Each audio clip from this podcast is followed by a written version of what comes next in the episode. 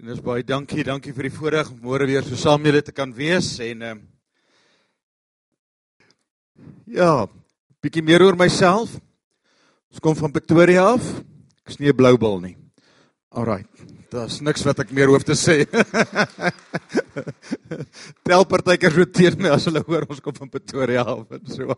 Nee, ek spot sommer, daar's mooi mense daai en die blou bil het die Here baie nodig. Ehm um, troud met een vrou en al ons gaan nou vir 34 jaar. Ja. Dis 'n uh, eh, skitterend en uh, ek, ek ek dank die Here. Ek ek partykeer dan dan vra mense vir my, "Hoe gaan dit met my vrou?" Dan sê ek, "Vaat, gaan goed met haar, sy het goed getrou." Maar dis eintlik meer ek wat dit moet sê. En uh, sy is sy is my grootste krag en sterkte in die bediening sover. Dan het ek drie kinders. Ehm um, En ek is 'n oupa. Uh, nou ek lyk soos 'n oupa, maar sy lyk nie soos 'n ouma nie. Nou ons oudste dogter en haar man en hulle my kleinseun en dan is sy nou oor 'n maand is haar tweede enetjie daarso. Ons so maar hulle bly in Australië. So nou moet jy weet hoe swaar kry ons met die kinders daai kant. En dan het ek 'n seun wat ook saam met my in die bediening is. Hy's ook deel van ons span daar in Pretoria en hy my nou nou bel en hy wil net weet van iets want môre wil 'n rekenaar net daai kan saamwerk en so aan nie. Maar ehm um, ja, hulle het 'n pragtige baie dogtertjie en dan het ons nog 'n laatlam wat nog op hierdie stadium so aan ons pensioen Pieter, uh, want hy is op universiteit en moet hom net deurkry en so aan. Hy is so in sy derde jaar argitektuur. Ja, verder is ons maar net gewone mense wat baie lief is vir die Here en net een ding verstaan. Ons verdien niks wat ons gekry het van hom nie. En nog 'n ding wat ons verstaan is Ons kan niks doen om dit te verdien nie. En iets wat ek as pastoor moet verstaan dit is maak nie saak hoe hard ek preek, maak nie so hard baie ek bid. Alles bly genade. Ek kan God nie beïndruk nie. Hy's net hierdie groot awesome God. En uh, en mag ons altyd net oorweldig word deur genade en dat ons net ophou Peter om iets by genade te wil sit en vir hom te sê hy het nie so volmaakte werk aan die kruis gedoen nie. Hy het 'n volmaakte werk gedoen. Ons kan niks daarbey byvoeg nie. En wanneer ons by die kerk besig is en ons kyk na die kerk se missie en die kerk se boodskap en sy bestaansreg, dan dan begin dit vir my hoofsaaklik daar by die kruis. En, en en in die Ou Testament word daar al van gemeente gepraat en daar's partykeer hierdie debatte, het kerk al in die Ou Testament begin en is dit waar kerk al reeds gevorm is? En dan is daar die gedagte nee, die kerk het eintlik by die dag van Pinkster, die uitstorting van die Heilige Gees, uh, uh is die kerk gebore, maar Maar as ek net so kyk na die kruisgebeure, wat op die kruis gebeur het. En daai gebeure en die effek wat dit in mense se lewens gehad het, dan dan oorweldig dit my elke keer. En ek wil môre 'n bietjie net weer met jou oor die kruisgebeure praat en en en toe by hierdie kruisgebeure is daar by vyf momente wat net vir my so uitstaan vir my persoonlik. Ehm um, in hoe God deur hierdie hartseer dag, die grootste stikkend in Jesus se bestaan. En dit is partykeer iets wat my net oorweldig dat hierdie volmaakte God wat niks eintlik met my en jou hoef te doen gehad het nie.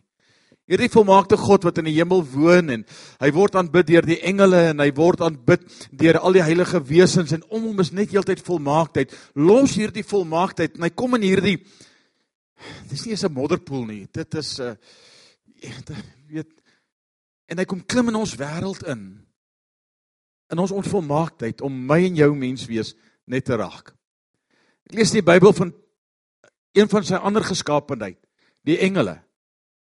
En die engele wat in sy volmaaktheid leef en in sy teenwoordigheid leef, sondig ook en derde van hulle word uit die hemel uit gegooi. En dan maak hy die mensdom en hy gee vir hulle ook 'n volmaaktheid, 'n paradys. En hulle voeter ook alles op. Ek sê hy doen nêrens moeite om die engele terug te kry nie. My gee sy lewe om my en jou terug te kry. En as dit jou nie elke dag net kan oorweldig nie, dan wil ek sê, gaan raak net rustig en kyk na jou gebrokenheid, kyk na sy volmaaktheid.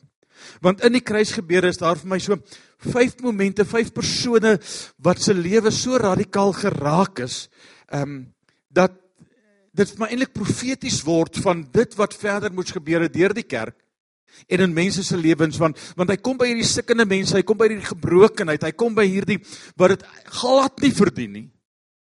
En dan begin hy deur die kruis iets loslaat in hulle bestaan, hulle menswees wat vir my profeties raak vir wat verder moet gebeur in die res van die gemeenskap se geskiedenis en dan ook in die missie en die visie van die kerk. Nou die eerste persoon is glad nie betrokke by die kruistoneel nie. Hy is nie eintlik deel van hierdie nie, maar tog begin hy deel raak van hierdie storie en dis die man met die naam van Barabbas. Nou die Bybel sê vir ons Barabbas was 'n moordenaar. Hy was 'n oproermaker, hy was 'n moeilikheidmaker. Niks van God en sy gebod geweet nie, wil nie eers die Here dien nie en hy was in die tronk gewees. En daar was 'n man met die naam van Barabbas in die tronk saam met ander opstandelinge en hulle tydens die opstand moord gepleeg. Dit is interessant, so daai daai tyd al was daar toy toys en marches en al hierdie goeters, nê? Nee? Dis nie 'n nuwe ding wat ander dag uitgedink is nie. En hy pleeg tog gemoord ook.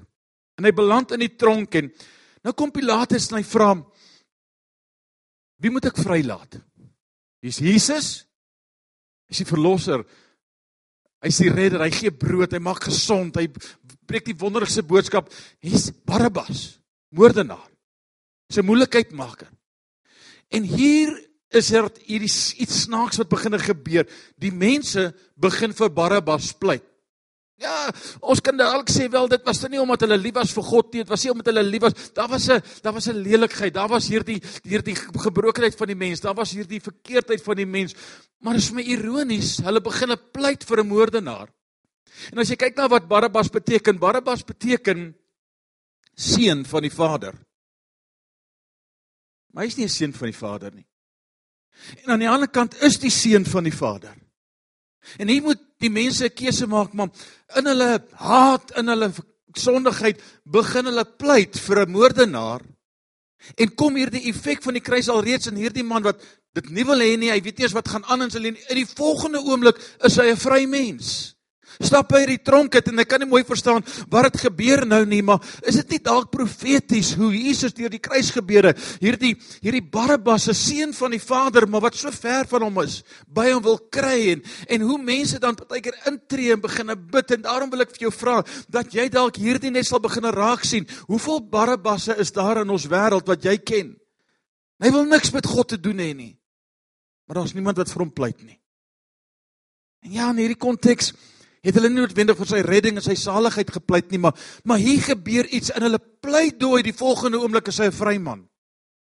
In hulle pleidooi en hulle in hulle verkeerdheid kom die Here en hy en hy slaan hierdie reguit hou met hierdie kromstok. Uit hierdie verkeerdheid skep hy 'n verlossing vir Barabbas en is dit nie profeties hoe die Here uit hierdie gebrokenheid, uit hierdie verkeerd, uit hierdie hartseer van Golgotha, die Barabbasse wat so vasgevang is in die tronk deur hulle eie skuld, hulle eie moeilikheid, hulle is eintlik almal seun van die Vader, maar so ver van die Vader. In die kerk hierdie rolspelers kan begin word om te pleit en sê laat hy vrykom want Christus was 'n gevangene. En begin intree en en net dat daar iets in 'n in hulle menswees kan gebeur hierdie gevangenes van sonde.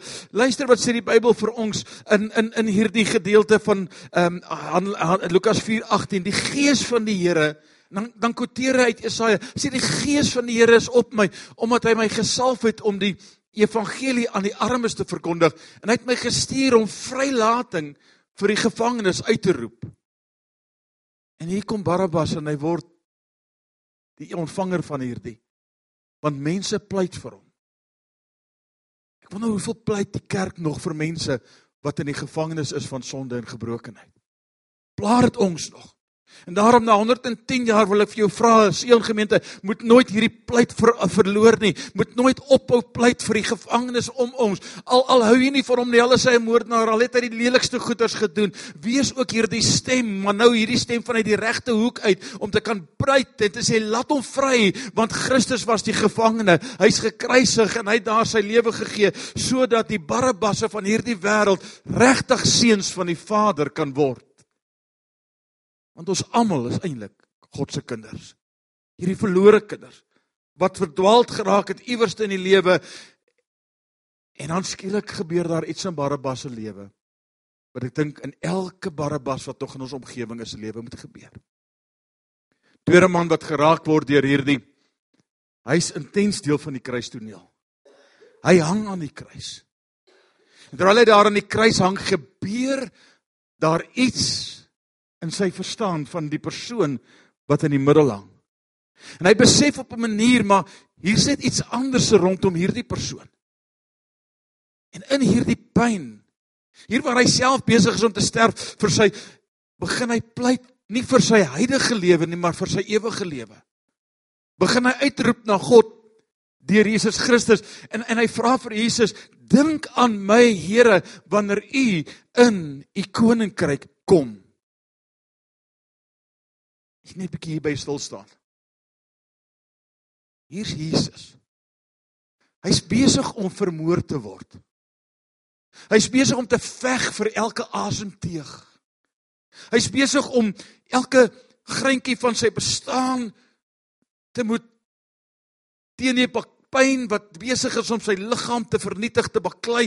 Hy hy's in hierdie vroeging hy's en skielik hoor hy 'n man wat smeek om genade. En hy sê nie vir hom luister. Jy het nie die wet onderhou nie. Wie wat jy verdien dit nie. Jy mors my tyd. Hier skielik word die klimaks van genade gebore. Hy hoor hierdie man wat dit glad nie verdien nie. Wat ook 'n moordenaar is wat wat gestraf word vir sy eie verkeerdheid. Skielik terwyl Jesus in hierdie wroging, hierdie pyn, hierdie stikken, hierdie doodsmarteling is, kom daar genade te voorskyn. En hy kyk so na hom toe en hy sê vir hom: "Nie net vergewe nie. Nie net byt vas een of ander tyd sal hierdie nee, hy sê vir hom: "Luister, vandag, vandag ontvang jy wat God oorspronklik beplan het toe hy mense om geskaap het en vir hom 'n paradyslewe volmaaktheid gegee het. Vandag vanuit jou sonde, 'n toestand waarin jy jouself bevind, is jou eie skuld, maar vandag gaan jy in die paradys wees." In een oomblik hierdie profetiese uitspraak oor die mensdom. Nie omdat jy dit verdien het nie. Nie omdat jy dit gemaak het nie, nie omdat jy enigsins uh uh uh kon roem op hoeveel van die wet jy kon onthou het en en en hoeveel gebede jy kon bid. Daar's niks nie. Luister vers 41 want ons ontvang ons verdiende loon. Roep hy toe vir die ander man uit wat begin inmeng in hierdie gesprek. En Jesus antwoord hom: Vandag in die volmaaktheid En dit wat ek oorspronklik vir jou as mens beplan het. En ek dink in hierdie persoon se pyn terwyl hy daar so hierdie woorde hoor, ek wonder of dit in sy gemoed deur gegaan het, maar maar jy verstaan nie, ek verdien dit nie. Die gewerk daarvoor en ek hang hier juis as gevolg van my verkeerdheid geen oordeel wat ek gisterand gesê het vir hulle wat toeskielik net hulle self in Christus bevind. Hier aan die kruis geen oordeel. Kerk, kan ek en jy hierdie mense wees wat op 'n oordeel oor mense spreek wanneer Jesus aan die kruis kom en verlossing spreek oor iemand wat dit eintlik verdien? Ek en jy kan kom net kan sê geen oordeel. Wanneer iemand uitroep na Christus en besef ek verdien dit nie. Dis nie my reg nie. Ek het niks gedoen om daarbey uit te kom nie, maar in die laaste oomblik van sy lewe hoor hy hierdie woorde. Vandag Nie net gaan jy dit dalk maak nie. Vandag in die paradys, hierdie volmaaktheid, hierdie guns, hierdie seën. Mag dit die boodskap wees van die kerk wat ons heeltyd uit verkondig uit basyn vir mense wat net sê luister ek maak dit nie maar Here dink aan my dink net aan my wees my net genadig en dat ons net kan hoor nie oordeel nie nie verwerping nie maar genade omdat hierdie God dit bewerkstellig het op die kruis. Is daar 'n derde persoon wat betrokke raak by hierdie hele storie? Hy wil ook nie betrokke wees by hierdie nie. En hy kom by hierdie gebeure by Jerusalem uit. En heel waarskynlik was hy daar omdat hy ook deel is van die Joodse gebruike. Daar dit was Paasfees gewees. Hy was eintlik daar vir iets heeltemal anderste. In die volgende oomblik word hy opgekommandeer om Jesus se kruis te dra. Simon van Sirene. En Simon wil nie betrokke raak nie. Simon wil nie deel wees van hierdie storie nie, maar die Bybel sê vir ons in Matteus 1:15, uh, Markus 15:31 en die soldate het iemand wat daar verbygekom het gekommandeer om die kruis te dra. Opdrag gegee. Dit was Simon van Sirene wat van buite die stad af gekom het, die pa van Alexander en Rufus. En die tradisie leer vir ons dat Alexander en Rufus as later ook deel van die evangelisasie. Hulle was uh, evangeliste, hulle die woord van die Here verkondig, dis hoekom hulle name genoem het. Maar hier gebeur iets in hulle pa se lewe en hy wil nie deel wees van hierdie nie. Matteus 27:32 sê toe hulle uitgaan kry hulle 'n man met die naam 'n man van Sirene met die naam van Simon en hulle het hom gedwing Hy wou nie. Maar die volgende oomblik word hy gedwing om te help dra aan die kruis. Hy word gedwing om te help dra aan die las van Jesus word gehelp hy word gedwing om net betrokke te raak en deel te raak van hierdie gebeure van die kruis. En ek wonder of dit tyd is dat die Heilige Gees weer op 'n manier kom in die kerk dwing en sê jy het nie 'n keuse nie. Jy gaan begin help dra aan die kruis gebeure en die storie van die kruis want daar's mense wat nodig het om gered te word. En partykeer wonder ek so of die kerk gesê het luister maar ek trek so 'n bietjie terug en ja, ons het 'n pastoor en hy doen skitterend en ons moet net vir hom bly bid dat die Here hom net meer en meer gebruik. Die Here sê nee nee, ek gaan jou wêreld begin ongemaklik maak. Want jy werk op plekke waar hy nooit gaan kom nie. En ek gaan jou begin dwing om te help dra aan die kruis. Ek gaan jou begin dwing om te help dra aan hierdie verlossingsstorie sodat hierdie evangelie, hierdie prys waarvoor Jesus aan die kruis betaal het, ook by hulle kan kom. Partykeer word die kerk so hierdie Nie hierso ek praat nie van julle nie want ek ken julle nie. Ek praat maar net van my belewenis en ek sien wat in die kerk gebeur. Hierdie hierdie groepering van mense wat so so nie meer wil deel wees van daar buitekant nie. Nou wonder ek of die Here nie weer moet begine dwing nie. Opkommandeer. 'n Opdrag en 'n bevel gee en sê jy sal deel raak van hierdie storie. Jy sal begin help dra aan die kruis. Jy sal begin help dra aan die las vir siele. Jy sal begine dra en jy sal begine help om hierdie mensdom wat so ver van God is en so verlore is, weer terug te kan kry by hom. Dis nie net een persoon se taak nie. Dis nie net 'n paar wat bereid is nie. Dis die kerk wat weer gedwing moet word. En daarom moet jy dalk nie verbaas wees na vandag. Want dis wat ek oor jou gaan bid en jy sien ek ry dan het ek nie meer 'n saak met jou nie. Soos ek kry sê ek Here, maak dit vir hulle baie moeilik om nie die las te dra nie. Here karring aan hulle gerusheid want hierdie hele Parys moet 'n paradys word. En Here as hulle nie wil nie dwing hulle. Dis nou ry ek. Here kommandeer hulle op sodat elke plek waar jy kom 'n plek word waar die mense hoor van hierdie genade en hierdie liefde En dit wat Jesus gedoen het aan die kruis. Mag hy ons meer begine dwing. Ag jy nie lekker slaap as jy weet van die ou daar by die werk. Jy weet van sy huwelik wat uitmekaar uitval. Jy weet van sy vloekwoorde wat jou so irriteer. Jy weet van sy sondige lewe. Eendag te staan 'n vrou by my en sy kniel uit en sy sê: "Bid saam met my dat die Here vir my 'n ander werk gee." Ek sê: "Hoekom?" Sy sê want ek's die enigste een daar by die werk wat die Here dien. Ek sê ek gaan dit nie vir jou bid nie. Ek sê want as die Here jou daar wegvat, wie gaan hy dan kan gebruik? Jy's God se enigste kontak. Jy sien ons is nie daar in ons gemaksone nie. Ons daar om die las van die kruis te help dra, die ongemak van die kruis, die simbool van skande sodat dit kan gebeur dat ek en jy ook kan deel raak van hierdie storie. Ons moet tog eintlik bietjie waardeer. Ek kom van Australië waar ek 'n maand met my kinders was. Dan hoor ek daardie land ken God nie. Weet nie van God nie. 'n land waar 7% van die land maar eintlik kerk toe gaan. By my dogter se werk dan praat hulle van haar as 'n Jesus person. En dan praat sy met my sê sy pa jy moet my jy moet my help. Ek hoe praat ek met hierdie mense?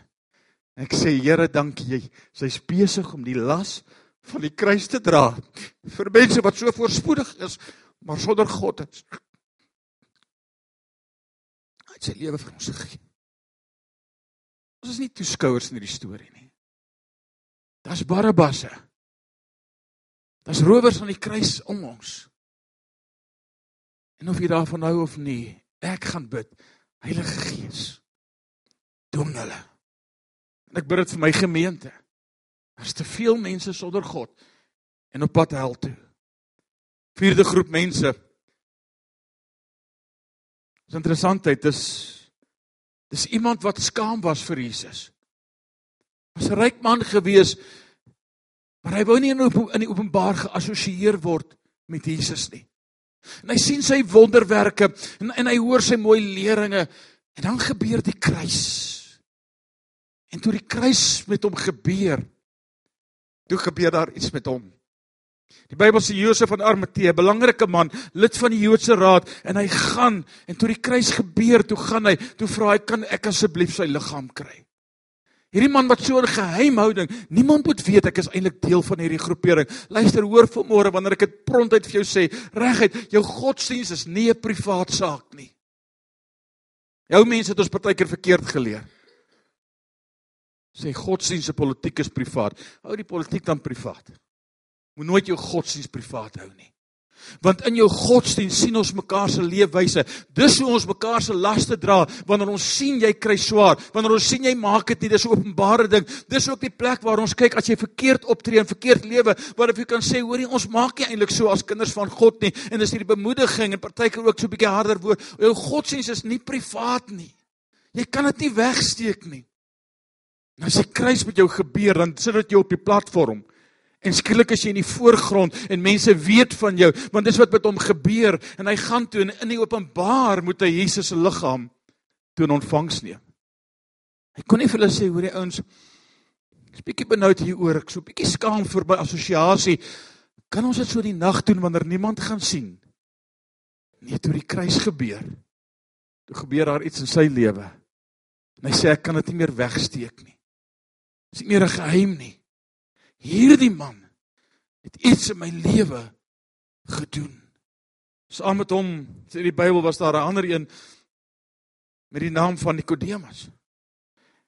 En hierdie Josef van Arimatea het wat 'n disipel van Jesus was, maar in die geheim, sê Johannes 19:38, in die geheim omdat hy vir die Jode bang was, het vir Pilatus gevra of hy die liggaam van Jesus mag neem. Pilatus het toestemming gegee. Jesus het toe gaan en sy liggaam weggeneem. En Nikodemus wat 'n keer in die nag bang, skaam in die nag want niemand moet weet nie. Het gekom in 'n mengsel van 50 liter mirre en alwyn gebring. En hulle het die liggaam van Jesus geneem en dit toegedraai in geurolie en in doeke en toe in die graf gaan lê. Mag die kruis gebeur ons altyd in openbaar indwing. Mag die kruis gebeur altyd die kerk op die voorgrond dring. Mag die kruis gebeur altyd kom en sê hier is ons, ons kan dit nie wegsteek nie. In die hartseer was in hierdie gebeure, was dit nadat hy gesterf het, maar maar dank die Here hy het weer opgestaan uit die dood en hy lewe en en ek weet nie noodwendig wat verder in hierdie twee manne se lewe gebeur het nie, maar na die kruis gebeure glo ek met my hele wese was in openbaar oral sigbaar as ook van sy disippels. Mag die kruis gebeure weer die kerk uit die skadu's uitstamp. Ek en jy openlik geassosieer kan word. Dat almal kan weet by jou werk ook en dat jy nie bang is daarvoor nie. Oral waar jy kom, jy met vrymoedigheid kan sê, ek is deel van sy groepering. Deel van Jesus. En dan die laaste Ja, laat ek kom ook net invul Romeine 1 vers 16. Ag as jy Paulus se storie ken, Ek skaam my nie oor die evangelie. Want dit is 'n krag tot redding vir die Jood en ook vir die nie-Jood. Mag ons ons nooit skaam vir die mooiste storie wat daar ooit kan wees. Die laaste een persoon Jesus sterf. Blaas sy laaste asem uit. In die oomblik toe hy sterwe is dit hierdie paradoks waarin sy laaste asem teeg wat hy gee Ons staan daar daar in binningsdiens. 'n Lofprysingsdiens. Skielik word lof gebore vir 'n man wat na hierdie hele storie kyk en hierdie hele gebeure. En die Bybel sê in Lukas 23:46 en Jesus het hard uitgeroep: "Vader, in U hande gee ek my gees oor." En na hierdie woorde het hy die laaste asem uitgeblaas en die offisier wat dit sien gebeur, het God skielik begin prys. Mag die kruis gebeure, dit wat op die kruis gebeur, altyd hierdie lof in ons menswees losmaak. Mag dit net nooit weer 'n hartseer storie word nie, maar mag dit rede word dat ek en jy nie anderste kan in die openbaar om net te begin uitroep van God se grootheid en God se genade en God se liefde. Mag dit lofprysing in ons losmaak. En as jy by die oggend by die kerk kom en jy voel nie regtig lus om te prys nie, jy's nie in 'n goeie mood nie, jy het nie lekker geslaap nie, wat ook al, mag die kruis gebeure jou net weer instamp in lof en aanbidding vir hierdie groot gebeur gebeure in die geskiedenis van die mensdom. Mag die kerk nooit sy prys, sy aanbidding, sy lof verloor. En in hierdie snaakse oomblik, hy sterf, begin iemand God prys. Hy sterf. En skielik is daar aanbidding. En hy kyk so en hy sê, hierdie man was onskuldig, maar ek moet God prys. Ek moet hom eer vir sy grootheid. 110 jaar, dis skitterend, dis wonderlik. 'n Tyd waar kerke toemaak, man, dit lyk of jy 'n tweede asem kry. En ek het gisterand gevra, wie het was hier aan die begin van 110 jaar en toe was hier niemand nie, maar ek weet nie of jy vanmôre nou iemand is. Maar mag jy 'n tweede en 'n derde asem kry. Mag daar net iets gebeur. Mag die kruis gebeure net hierdie impetus wees wat jou net instamp in 'n volgende. Daar's 'n Barabbas en iemand moet vir hom pleit. En hy wil niks met God te doen hê nie, maar dan's 'n kerk wat sê Here, as gevolg van u gevangenskap kan ons hierdie mense begine uitspreek. Daar's sondaars wat aan die kruis hang, daar's mense wat dit nie verdien nie.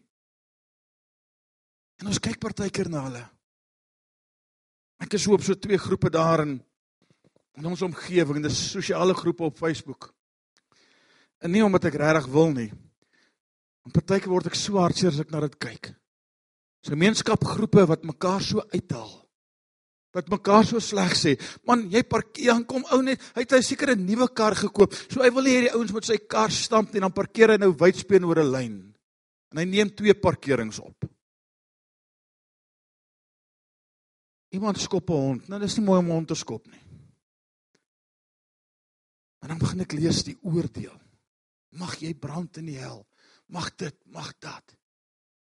Hier hang iemand aan die kruis en hy verdien dit nie. En Jesus sê vir hom, ek oordeel jou nie.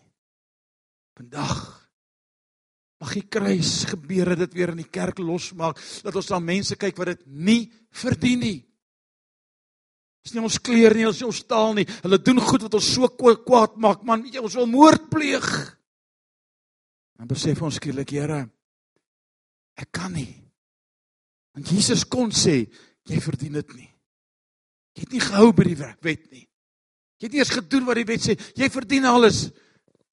En hy hoor net hierdie uitroep en hy sê: "Vandag paradys." Sê ons mag dit ons boodskap heeltyd wees van verlossing vir mense wat dit nie verdien nie. Mag hy jou dwing om deel te raak van die kruisstorie. Mag jy opkommandeer daar waar jy werk, daar waar jy bly, daai wat jy ken. En as jy skaam is, mag jy jou vorentoe druk en sê: "Almal moet weet jy's 'n stad op 'n berg. Jy kan nie weggesteek word nie. Jy's 'n lig wat skyn. Ons kan jou nie onder 'n maat emmer sit nie." En mag elke keer as jy aan Jesus dink, mag elke keer as jy aan die kruis gebeure dink, mag dit binnekant net begin borrel van 'n lied, 'n aanbidding en 'n blydskap en 'n lof en 'n erkenning. Mag jy God so groot maak. Mag die kerk so vol lof wees vir wat gebeur het aan die kruis. Dat die volgende 110 jaar in julle bestaan sou deur vertoef om te kom. 110 jaar wees vol aanbidding en dan eer. En mag dit julle so wonderlik gesing het as ek was so ingespireer, ek was so jaloers. Mag dit altyd in ons monde bly in Jesus naam. Dankie Irinus. Kom ons maak ons oop 'n paar oomblikke toe. Lê net 'n paar oomblikke net aan die profetiese van hierdie dink in jou lewe. Is daar dalk 'n Barabbas iewerste in jou jou omgewing?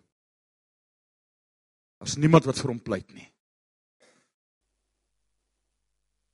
Is niemand wat meer vir hom pleit nie. En jy weet hoe sy in die tronk Jy nie nodig om môre net te hoor, luister, hierdie Barnabas gaan jou moeilikheid beginne word. Ek weet in hierdie konteks was Hulle motief verkeerd, maar maak nie saak nie. Barabbas het deur die kruis uit die tronk uitgekom. Omdat iemand gesê het Barabbas in plaas van Jesus. Dis dan nie Barabbas wat jy net vanmôre weer moet voor die Here neerlê en sê Jesus, jy's hier voor is u kruis toe sodat hierdie Barabbas kan vrykom.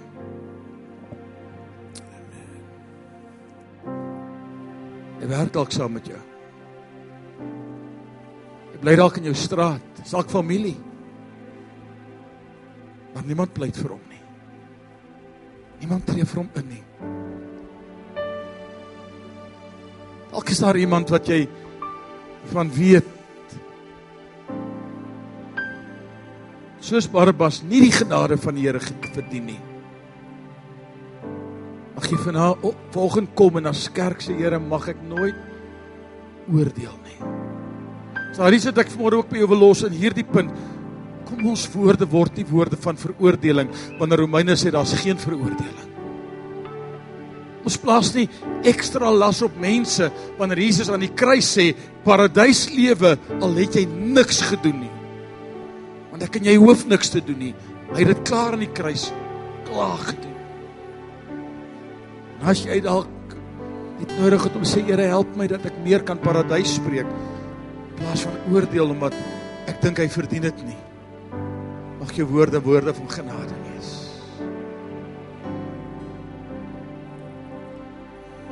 Ag die Heilige Gees jou begin dwing. Meer dwing. Het jou gemak so na.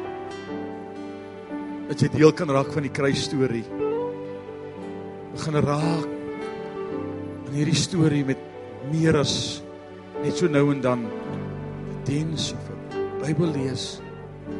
Dit 'n ongemak veroorsaak, 'n ongemak want jy moet dra aan die kruisverhaal. Jy wil nie noodwendig nie, mag hy jou dwing. Met dit in liefde oor jou. Vorentoe stamp soos 'n Nikodemus, soos 'n Josef en sê almal moet weet.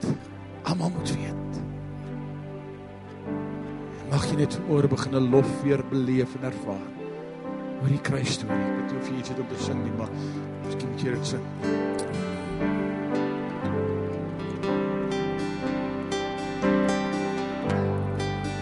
Lord, I lift your name on high.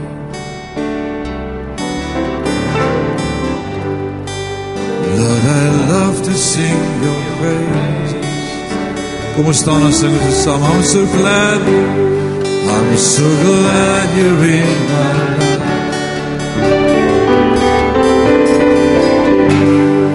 I'm so glad you came to save my Lord, I lift your name. Lord, I lift your name.